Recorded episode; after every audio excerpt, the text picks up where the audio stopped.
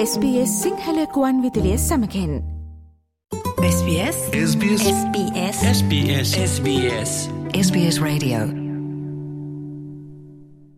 මෑත කාලේ එළිදැක්වුණු සංඛ්‍යාලයකවලට අනුව පසුගේ ඔක්තෝබර් මාසයේ සිට මේ වනතෙක් මිලියනයකට අධික ඔස්ට්‍රේලියනුවන්ට එක ක්‍රඩිට් කාඩ් පත් අපසු ගෙවීමක් හෝ මගහැරී ඇති බව වාර්තා වෙලා තියෙනවා. ඉතින් මේ වගේ ගෙවීම් මගහැරීම නිසා ඔවුන්ට ඇතිවන බලපෑම මොනවගේද සහ ක්‍රඩිට් කාඩ් පත් පලදායි ලෙස කළමනා කරණය කරගන්නේ කොහොමද කියල දැනගන්න අපි කෙටි සාකච්ඡාවක නිරත වුණා. ති මේ සඳහා අපි ආරාධනා කරේ මූල්‍ය උපදේශකවරයකු ලෙස කටයුතු කරන ඒවගේම නැශනල් ඕස්ට්‍රලයා බැංකුවේ මූල්‍ය සේවා නිලධාරයකු ලෙස කටයුතු කළ සම්පට්ඩි සිල්වා මහතාටයි. ඉතින් එතුමාව සාදරයෙන් පිළිගන්න ගමන් අපි යොමුවෙන්න කැමති අපේ පළවෙනි ප්‍රශ්නයට. ඔස්ට්‍රේලියනුවන්ගෙන් සියට හයක් පමණ දෛනික වීදම් සඳහා ක්‍රඩ් කාඩ් පත් භාවිතා කරනවා කියලා අපිට දැනගන්න ලැබිලතින. ඉතින් අපි ඔපතුමාගෙන් දැනගන්න කැමති මෙහෙම වියදම් කිරීම නුවන්ට හුරු දෙයක්ද. එම වියදම් කරනවනං මේක උපාය මාර්ගිකව කොහොමද මේ ක්‍රඩිට් කාඩ් පත් පාවිච්චි කරන්න කියලා. නායකාට්පත් භාවිතා කරනවා කොට තියෙන ලොකුම දේ තමයි සමහරක් අයගේ ආදායම සහ වියදම ගැන සලකා බැලීමේ විතරයි ඒගොල්ලෝ නායකරපත් භාවිතා කරන්න ඕනේ මොකද සමහරක් අය වියදම වැඩි ආදායමට වඩා ක්‍රෙඩිට් කාඩ් පත් භාවිතා කිරීමෙන් පෙළඹෙනවා යම් කිසි දේවල් ලබා ගන්න. එතකොට ඒකට වගකීමෙන් පාවිච්චි කරනවා නම් සාමාන්‍යයෙන් එදිනදා ජීවිතේ බඩු ගැනීමට මම නම් කියන්නේ භාවිතා කරන්න එපා කියලා ක්‍රෙඩිට් කාඩ් පත් තමන් භාවිතා කරන්න ඕනේ තමන්ගේ බැංකු ගිණුමේ තියෙන සල්ලි සහ අතේ තියෙන මුදල් තමයි. එහෙම නැතුව තමන්ගේ ආදායම වැඩි නම් එයාට ඒකෙන් ක්‍රෙඩිට් කාඩ් පත් මාසේ අවසානයේ වෙනකොට ගෙවන්න ඉවර කරන්න පුළුවන් පුළුවන් නම් තියෙන බැලන්ස් එක ක්‍රෙඩිට් කාඩ් පත පාවිච්චි කරලා කමක් නැහැ.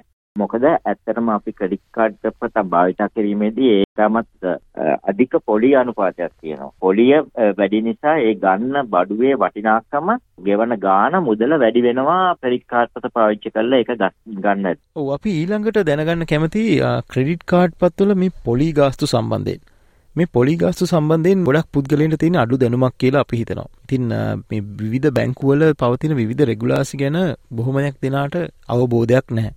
ඉතින් මේ සම්බන්ධයෙන් ක්‍රෙඩිට් කාඩ් පත් භාවිතා කරන අය විදිහට මෙම පවතින අවදානම අඩු කරගෙන මෙම ක්‍රෙඩිට් කාඩ් පත් භාවිතා කරන්නේ කොහොමද කියලා ඔබතුමාගෙන් අපි තොරතුරු දැනගන්න කැමතියි. සාමාන්‍ය ක්‍රෙඩිට් කාඩ් පතක් පාවිච්චි කරනකොට අපි කන්ට්‍රැක්ට් එකකට එන්න ඉස්සෙල්ලා බැංකුවත් එක්ක ක්‍රෙඩිට් කාඩ් පතක් ගන්නකොට අපි බලන්න ඕනේ මාසිකව කොච්චරක් පොඩි අනුපාතයක් තියෙනවද සාමාන්‍යයෙන් ගොඩක් බැංකුවල 19 20 ඒ වගේ තියෙන ගණන් තියෙනවා පොඩි අනුපාත. එතකොට වගකීමෙන් කරනවා නම් ඒ දවස් සමහර ඒවට තියෙනවා දවස් 45ක් ඇතුළත සම්පූර්ණයෙන්ම සෙටල් කළාම මේකේ පොඩි අනුපාතයක් වැටෙන්නේ නැහැ.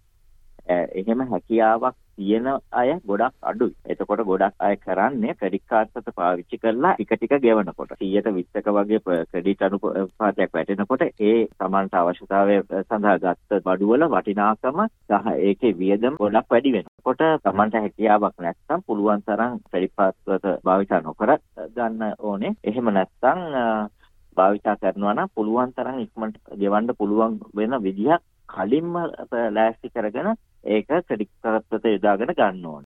බොහොම ස්තුතියි. අපිට දැනගන්න ලැබිලා තියෙන ඕස්ට්‍රේලියානුන්ගෙන් 5ක් පමණ පෙර ණය පියවා ගැනීමට. කියන්නේ කලින් ගත්ත ණය පියවා ගන්න ක්‍රෙඩිට් කාඩ් පත් භාවිතා කරනවා කියලා. ඉතින් මෙහෙම කරද්දී සමහරලාට තව තවත් ණය එකතු වෙලා ණය උගුලක හසු වෙන්න පුළුවන්. ඉතින් මේ වගේ තත්ත්වයක් වළක්වා ගන්න අනුගමනය කරන්න ඕනේ ක්‍රියාමාර්ග මොනවද? සාමාන්‍යයෙන් ක්‍රෙඩිට් කාඩ් පතක් භාවිතා කරලා ණය ගෙවන එක ගොඩාක් අය ලැබෙනවා. මොකද ඒක ඉක්මනට කරන්න පුළුවන් නිසා සාමාන්‍යයෙන් අපි නම් උපදෙස් දෙන්නේ ණය තමන්ගේ තියෙන සියලුම ණයත් මොනවාද කියලා බලලා තමන්ට සමහරක් අයට තියෙනවා හෝම් ලෝන් එකක් තියෙනවා ඊට පස්සේ පර්සනල් ලෝන් එකක් තියෙනවා ක්‍රෙඩිට් කාඩ් දෙක තුනක් තියෙනවා ඒ ඔක්කොම බලලා ගෙදර වටිනාකමයි ඔක්කොම බලලා ණය නැවත රීස්ට්‍රක්චර් කරන්න ඕනේ. එතකොට තමන්ට අඩු වියදමකින් පහුගිය ගත්ත ණය ක්‍රෙඩිට් කාඩ් පත භාවිතා නොකර දැන් අපේ ක්‍රෙඩිට් කාඩ් පත 120ක පොලියක් තියෙනවා නම් අපි ඒක 120ක් පොලි ගෙවන්නේ නැතුව හෝම් ලෝන් එකේ 6.5යි නම් පොලිය අපි හෝම් ලෝන් එක රීෆයිනෑන්ස් කරලා අපි ක්‍රෙඩිට් කාඩ් පත සම්පූර්ණයෙන්ම ගෙවලා වහලා දාන එක තමයි වඩා හොඳ උපාය මාර්ගය. එතකොට තමන්ගේ අතින් යන වියදම ඇත්තටම අඩු වෙනවා ණය උගලකට අහු වෙන්නේ නැහැ. මොකද ඔක්කොම තමන්ගේ තියෙන ණය කොන්සොලිඩේට් කරනවා කියන්නේ. කළා රීස්ට්‍රක්චර් කරනවා තමන්ට ගෙවන්න පුළුවන් වෙන ආකාරය බලලා ඒකෙන් ලොකු මුදල් ගානක් ඉතුරු කරගන්න පුළුවන්. බොහොමස්තුති අපි ඊළඟට දැනගන්න කැමති ක්‍රෙඩිට් ස්කෝ එක ගැන එහෙම නැත්නම් ණය ලකුණු තත්ත්වය ගැන. ඉතින් මේක ගැන සැලකිලිමත් වීම කෙතරම් වැදගත්ද සහ ක්‍රඩිට් ස්කෝ එක සඳහා ක්‍රඩිට් කාඩ් පත්වල භාවිතය වැදගත් වෙන්නේ කොහොමද කියලා අපි දැනගන්න කැමතියි. සාමාන්‍යයෙන් ක්‍රෙඩිට් ස්කෝ ඉෂු කරන ආයතන ගණනාවක් තියෙනවා. ඒකෙන් ප්‍රධානම ආයතන තමයි ඉක්විෆෙක්ට් එක. ඉතින් තමන්ගේ ගන්න හැම ණයක්ම ඒ ණය දෙන ආයතන ඒ ක්‍රෙඩිට් ආයතන වලට රිපෝට් කරනවා. ඒ කියන්නේ ඒගොල්ලන්ගේ ස්ටේට්මන්ට් යවනවා. මේගොල්ලන් මෙහෙම මෙහෙමයි කියලා. දැන් ඒගොල්ලෝ ඒක නිසා තමන්ගේ ක්‍රෙඩිට් ස්කෝ එක ගැන ගොඩාක් සැලකිලිමත් වෙන්න ඕනේ. මාසයක් පහු වුණොත් ඒක නොම්බර එක හැටියට දානවා. මාස දෙකක් පහු වුණොත් නොම්බර දෙක හැටියට දානවා. ඒකේ මන්ත්ලි රිපෝට් වෙන නිසා. එතකොට ක්‍රෙඩිට් ස්කෝ එක අඩු වෙනවා නේ ගෙව්වේ නැත්තම් වෙලාවට එතකොට වෙලාවට ගෙව්වේ නැතිකොට ඒගොල්ලන්ට ණය ගැනීමේ හැකියාව අඩු වෙනවා එකක් සමහර ආයතනවල ණය ගන්න පුළුවන් ඒ වුණාට ඒකට පොඩි අනුපාතයේ වැඩි ගාණක් තමයි දෙන්නේ. නම්බර 2 ඊට වඩා තව එකක් තමයි ඒ ණය දෙන ආයතන ඒගොල්ලන්ගෙන් අය කරනවා වෙලාවට නොගෙවීමේ ගාස්තුවක්. ඩෝ 40ක් 50ක් ගන්න ආයතන තියෙනවා. එතකොට තමන්ගේ ණය ගැනීමේ හැකියාවට තමන්ගේ ණය අරගත්ත ණය වලට ගෙවන මුදල පොලියටත් වඩා වැඩිපුර ගාණක් ගෙවනකොට තමන්ට ඇත්තටම ඒක ලොකු පාඩුවක්. ඒක නිසා ක්‍රෙඩිට් කාඩ් පත භාවිතා කරනකොට ඒක ගැන වඩා සැලකිලිමත් වෙන්න ඕනේ. අපි කොහොමද ණයක් ක්‍රෙඩිට් කාඩ් එකෙන් ගෙවුවාම ආයේ ඒක සියවන්නේ කියන එක මතක තියාගෙන තමයි ඒක කරන්නේ.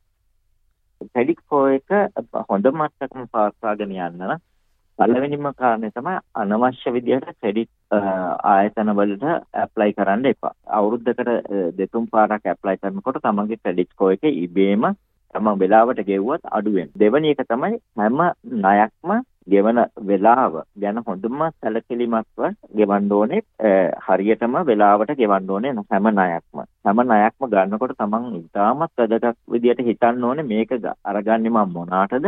ඇයි මේකෙන් මට වාසියක් වෙනවද නැද්ද? ඒකෙන් කොහොමද මගේ දෛනික ජීවිතයේ අවශ්‍යතා සපුරා ගන්න කියලා.